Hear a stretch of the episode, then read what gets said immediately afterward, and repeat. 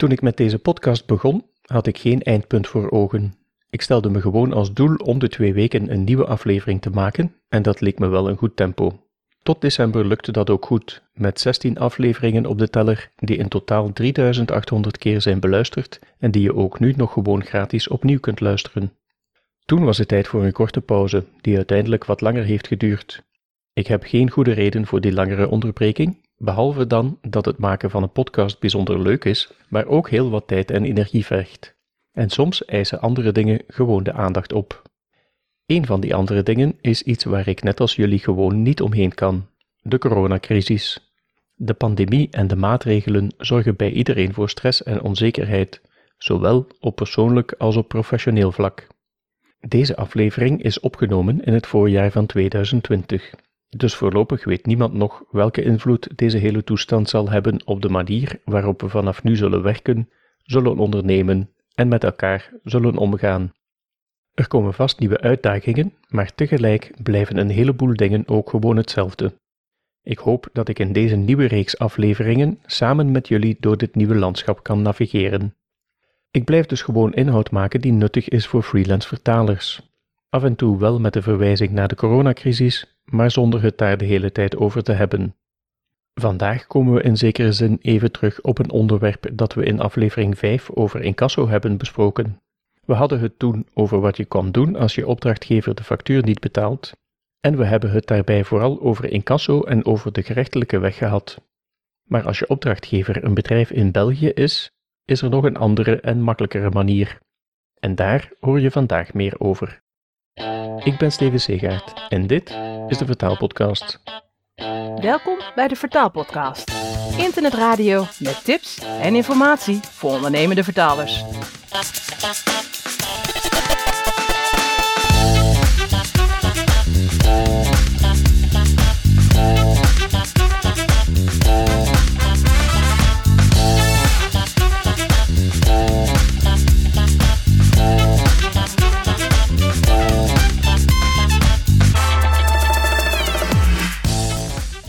Je uren of dagen aan een vertaling hebt gewerkt en je best hebt gedaan die op tijd en volgens afspraak in te sturen, wil je natuurlijk ook graag op tijd en volgens afspraak betaald worden voor je werk.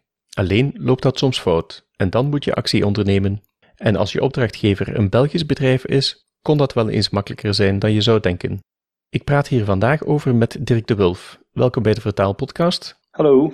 Dirk, jij zit al heel lang in de bedrijfswereld en weet daarom goed met welke problemen kleine en grote ondernemingen te maken krijgen. Ik heb je vandaag uitgenodigd om het te hebben over Unpaid, een bedrijf waar jij nu ongeveer een jaar general manager van bent. Wat doet Unpaid precies? Wel, bij Unpaid zijn we gespecialiseerd in het helpen van andere bedrijven of ondernemers om onbetaalde B2B-facturen te innen. Dus het gaat om een heel specifieke niche, maar binnen die heel specifieke niche zijn we super efficiënt. Waarom eigenlijk alleen B2B? Wel, wij hebben ons eigenlijk gebaseerd op, uh, op nieuwe wetgeving die in 2016 door minister Geens is uitgevaardigd. Mm Midden 2016 heeft hij wat we in België noemden de potpourri-wetten uitgevaardigd. En een onderdeeltje daarvan was de IOS-wetgeving, invordering onbetwiste schulden.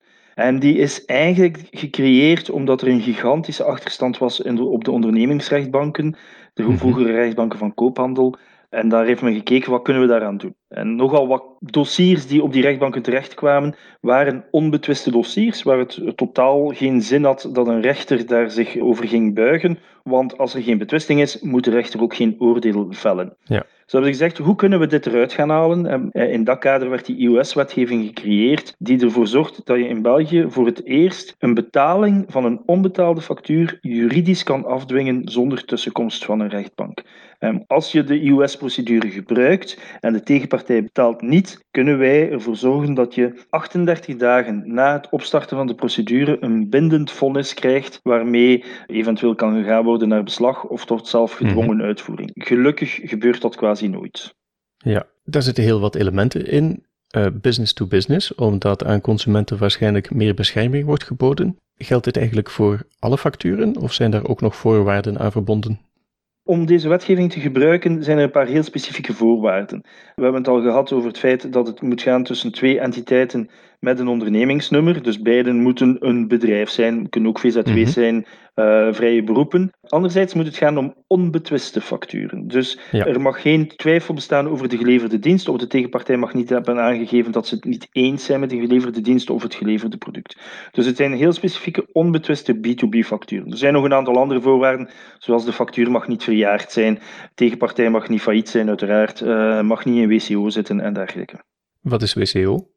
Wet op eh, continuïteit van de onderneming, Chapter 11 van de Verenigde Staten, bescherming tegen schuldeisers. Oh ja, oké. Hm.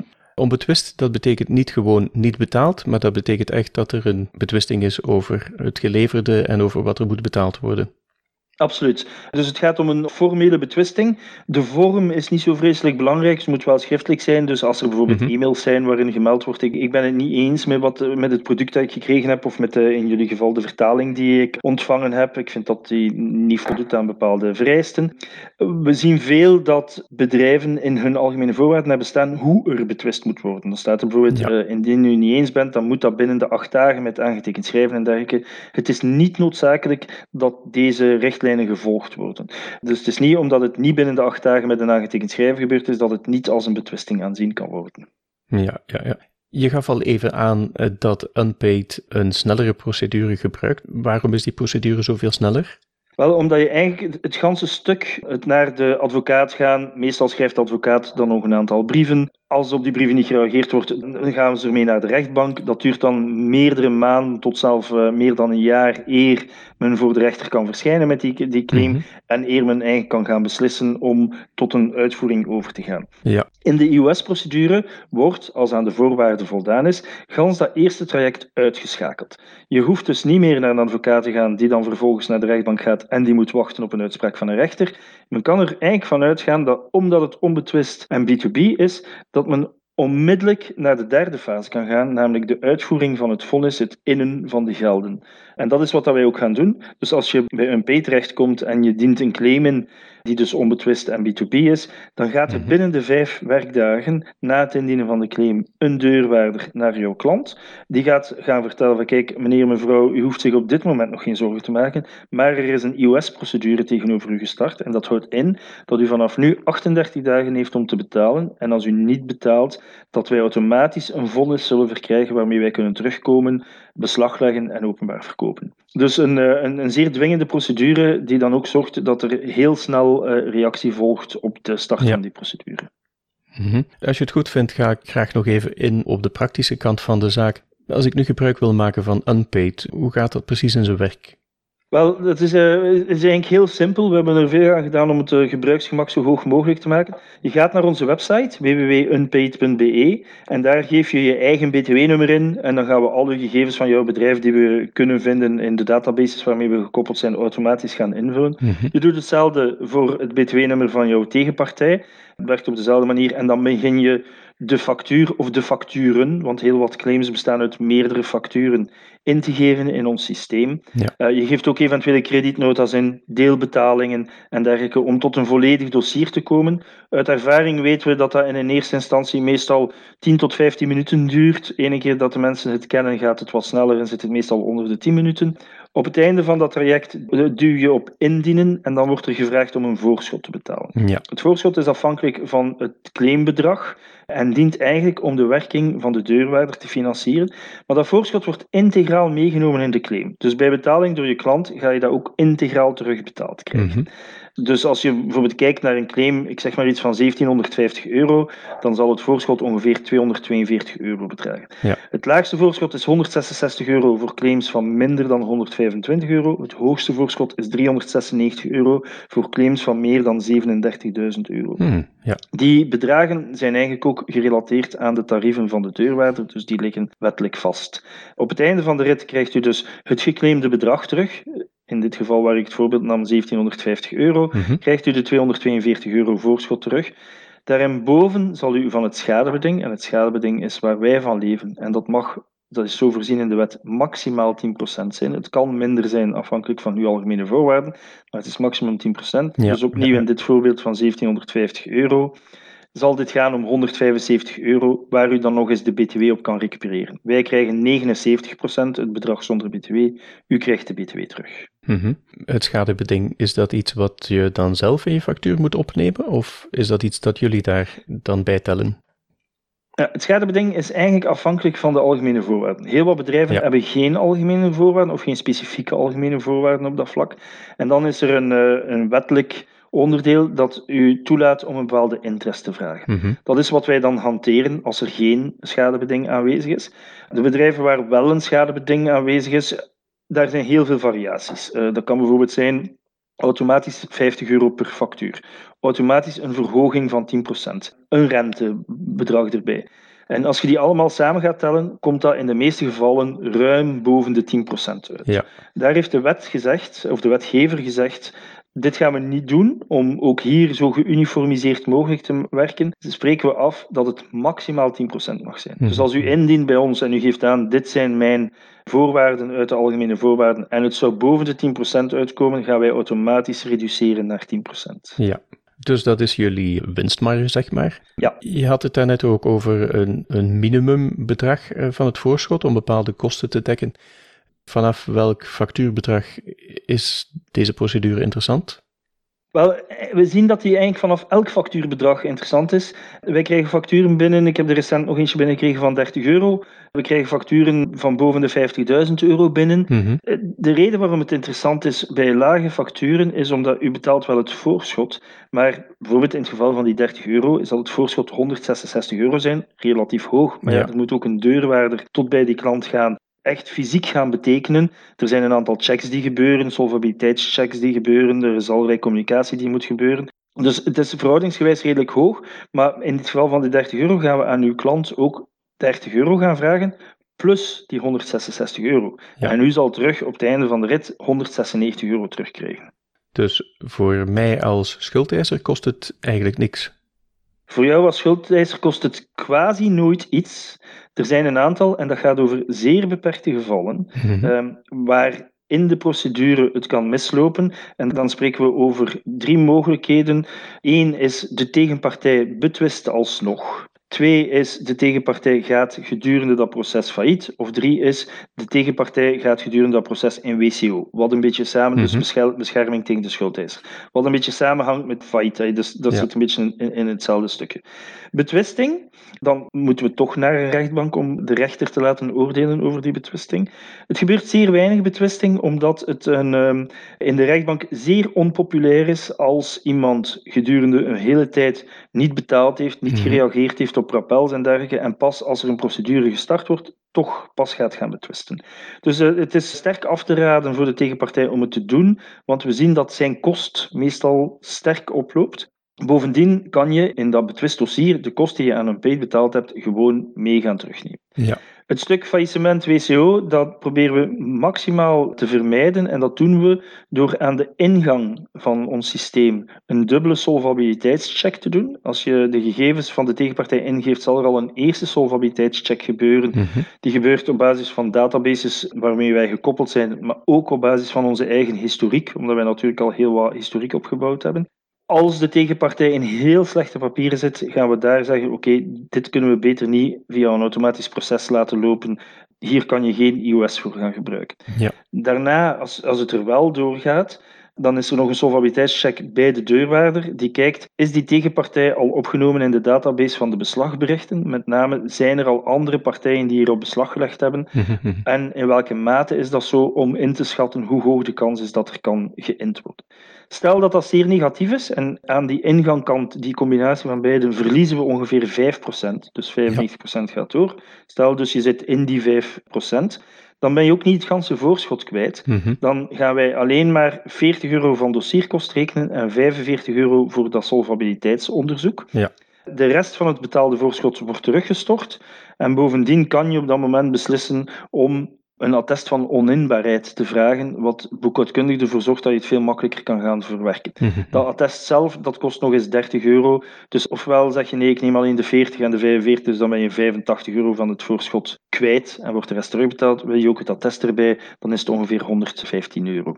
Dan kan ik nog twee scenario's bedenken. Uh, het eerste scenario is waar die klant eigenlijk uiteindelijk toch niet wil betalen en Mhm. naar de rechtbank stapt. Wat doen jullie dan? Geven jullie dat dossier dan gewoon terug aan mij of gaan jullie daar verder mee door? Wel, het eerste wat jij nu aangeeft is eigenlijk een betwisting alsnog. Mhm. hè? Dus als de tegenpartij zegt nee, ik wil toch niet betalen en ik betwist. Meestal zal het niet de tegenpartij zijn die dan beslist om naar de rechtbank te gaan, maar dan eh, zal jij moeten beslissen van ik ga hiermee naar de rechtbank. Ja. Want jij bent degene die de inning moet gaan doen. Op dat moment geven wij het dossier inderdaad terug, betalen wij het niet gebruikte voorschot terug en dan hebben we het opnieuw twee mogelijkheden. Als de klant beschikt over een eigen advocaat en hij zegt ik wil het langs daar doen, dan uiteraard geen enkel probleem. Als de klant zegt van ja, eigenlijk ben ik helemaal niet thuis in die wereld, Mhm. dan kunnen wij hem in contact brengen eh, met het kantoor dat aan ons gelieerd is. Dat is het kantoor De Grote de Man uit Gent. Ja. Die hen daarbij kunnen bijstaan en die vrijblijvend dan gaan bespreken van wat zijn hier de mogelijkheden. Maar dan zit je dus in een ander traject. Ja. En een tweede scenario is natuurlijk dat eh, de klant uiteindelijk betaalt terwijl deze hele procedure gaande is. Wat gebeurt er dan? Ja, ook dan, ja, als hij betaalt en hij betaalt alles inclusief de kosten, Ja. dan is er geen enkel probleem. Normaal gezien, de vraag is om te betalen dus aan de deurwaarder. Wij storten gewoon al het geld waar de klant recht op heeft door aan de klant. Wat ook soms gebeurt, is als hij betaalt rechtstreeks aan de klant. Mhm. De procedure stopt niet voor ook de kosten betaald zijn. Dus dan gaan wij wat we noemen een saldobrief sturen. Dan gaan we zeggen, oké, u moest, eh, ik zeg maar iets, 2000 euro betalen. U heeft 1750 euro betaald. Het openstaande saldo is 250 euro.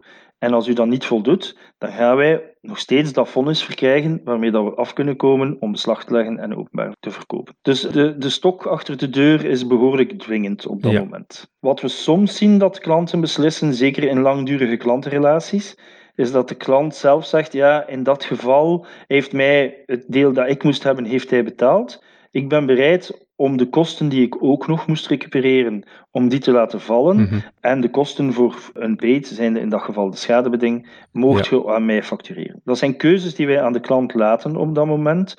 En af en toe maakt de klant die keuze. Ja, dat betekent voor mij als klant dan ook dat ik dit beter niet meteen inzet, maar zelf probeer om die factuur te gaan innen. Dat, dat is het uitgangspunt dat wij altijd hebben. hè. Mhm. Wij, wij zeggen, als ondernemer of als bedrijf moet je eerst zelf actie gaan ondernemen. En wij raden absoluut aan, en we hebben op onze site daar ook verschillende tools voor, om dat gestructureerd te gaan doen. Dus wij raden aan om daar structuur in te steken. Ja. Beslis voor jezelf hoe dat je dat gaat aanpakken. Zeg zelf, ik ga bijvoorbeeld vijf dagen nadat er niet betaald werd, een eerste brief sturen. Ik ben van plan om drie rappels te doen, waarvan de Mhm. laatste bijvoorbeeld aangetekend is. We sturen daar helemaal niet in, maar maak wel een proces. Ja. Eh, Zorg dat het dan altijd vijf dagen is, zorg dat het dan altijd drie communicaties is. En beslis ook wat dat je gaat doen als er toch niet betaald wordt. Zeker bij de KMO's zien we dat dat te weinig gestructureerd wordt, waardoor zaken soms heel lang aanslepen. En tijd is van cruciaal belang in onbetaalde Mhm. facturen. Uit onderzoek blijkt dat als drie maanden na het verlopen van de eh, betaaltermijn heb je al 25% kans dat je geld nooit meer gaat zien. En ik denk dat zeker nu in deze coronatijden dat nog belangrijker gaat worden, omdat ja, er, er zijn toch veel onzekerheden bijgekomen in het ganse eh, bedrijfsleven. Mhm, mhm. Nog een heel belangrijke vraag, want veel luisteraars van de vertaalpodcast wonen niet in België, maar zijn actief in Nederland. Mhm. Deze procedure is nuttig voor Belgische bedrijven, maar wat met een buitenlandse schuldeiser? Wel, ik zou het eerder noemen, deze procedure is nuttig tegen Belgische bedrijven. Ja, In de zin, buitenlandse bedrijven kunnen gebruik maken van deze procedure, zolang hun klant een Belgisch bedrijf is. Het is Mhm. een Belgische wetgeving en zij is dus afdwingbaar op het Belgische grondgebied. Als ik zeg buitenlandse bedrijven, dan moet ik daar een paar beperkingen op zetten. Het gaat om Nederland, Duitsland, Groot-Hertogdom Luxemburg, Frankrijk, Oostenrijk, Italië en Spanje. En de reden waarom het een beetje een, een rare lijst is misschien, is omdat van die landen het ondernemingsnummersysteem gelijk is geschakeld, juridisch gelijk is geschakeld met dat van België. Dus vanuit die landen kan men perfect ons platform gebruiken om een Belgisch bedrijf te dwingen om tot betaling over te gaan. En dat gaat dan even automatisch en even dat makkelijk. werkt op ja. exact dezelfde Mhm. manier. Het enige verschil dat je hebt is als je naar de website gaat, standaard staat er BE voor als je jouw ondernemingsnummer moet ingeven. En daar staat een, een drop-down minuutje waarin dat je kan zeggen van ik doe het dan voor NL of voor Spanje of voor Ja. Oostenrijk, naar gelang in welk van die landen dat je zit. En daar heb je alleen een btw-nummer voor nodig. Ja, BTW-nummer of ondernemingsnummer. Hè. Ja. Ehm, dus, want een aantal partijen zijn vrijgesteld van BTW, dus dan is het eerder een ondernemingsnummer. En dat is land per land verschillend. Bijvoorbeeld in België heb je vrije beroepen, een aantal vrije beroepen die geen BTW moeten betalen. VZW's die soms vrijgesteld zijn van BTW en dergelijke. Dus het gaat om het ondernemingsnummer. Ja, de de reden waarom ik dit vraag is omdat heel veel Nederlandse vertalers eh, ZZP'er zijn en Mhm. daarom niet noodzakelijk rechtspersoonlijkheid hebben. Maar dat is ook absoluut niet noodzakelijk. We hebben heel veel dergelijke klanten. Zolang dat je dus over een ondernemingsnummer beschikt, zelf zonder rechtspersoon, dus je bent gewoon zelfstandige, zoals ze dat dan in België noemen, dan kan je daar perfect gebruik van maken. Ja, het is een duidelijk verhaal en een heel interessante procedure. Als je de luisteraars nog één belangrijk punt zou kunnen meegeven, wat zou dat dan zijn? Ik denk dat structuur stoppen in uw debiteurenproces. We weten dat zeker voor, voor de eh, KMO's, kleine zelfstandigen, het opvolgen van debiteuren een energieopslorpende bezigheid is waar veel mensen weinig toegevoegde waarde van voelen. Daarom lijkt het ons echt belangrijk om dat gestructureerd te gaan doen. Om, om echt op voorhand na te denken, als mij dit gaat overkomen, wat ga ik doen? Mhm. Wat zijn de stappen die ik zet en wat zijn de tijdstappen die ik daarvoor gebruik? En ehm, ja, er zijn online, ook op onze website, zijn er verschillende voorbeelden te vinden. Bijvoorbeeld van hoe, hoe steek ik algemene voorwaarden in elkaar? Hoe moet een herinneringsbrief eruit zien? Ook van wat zet ik best allemaal op mijn factuur om eh, Mhm, geen mhm. problemen te hebben? eh dergelijke zaken. Om dat toch eens te bekijken. En ik weet, het is niet wat de mensen het liefst doen. En het is een eenmalige inspanning die in de toekomst veel problemen kan vermijden. Ja, ja, ja. Dat is goede raad, Dirk. Dankjewel voor dit gesprek. Graag gedaan. Meer informatie vind je zoals altijd op www.confer.eu-vertaalpodcast. Dat is www.confer.eu-vertaalpodcast. En ik zet daar ook een link neer naar Unpaid en naar hun downloadpagina waar je nog allerlei extra informatie kunt vinden. Reacties, bedenkingen of ideeën voor een volgend onderwerp zijn welkom op de podcastpagina en op sociale media. En als je hier iets aan hebt gehad, dan zou ik het fantastisch vinden als je deze aflevering doorstuurt naar een collega freelancer. Zo help je die collega met goede informatie en bezorg je mij meer luisteraars, waarvoor mijn oprechte dank. Als alles goed gaat, staat er over twee weken weer een nieuwe aflevering voor je klaar. Tot dan!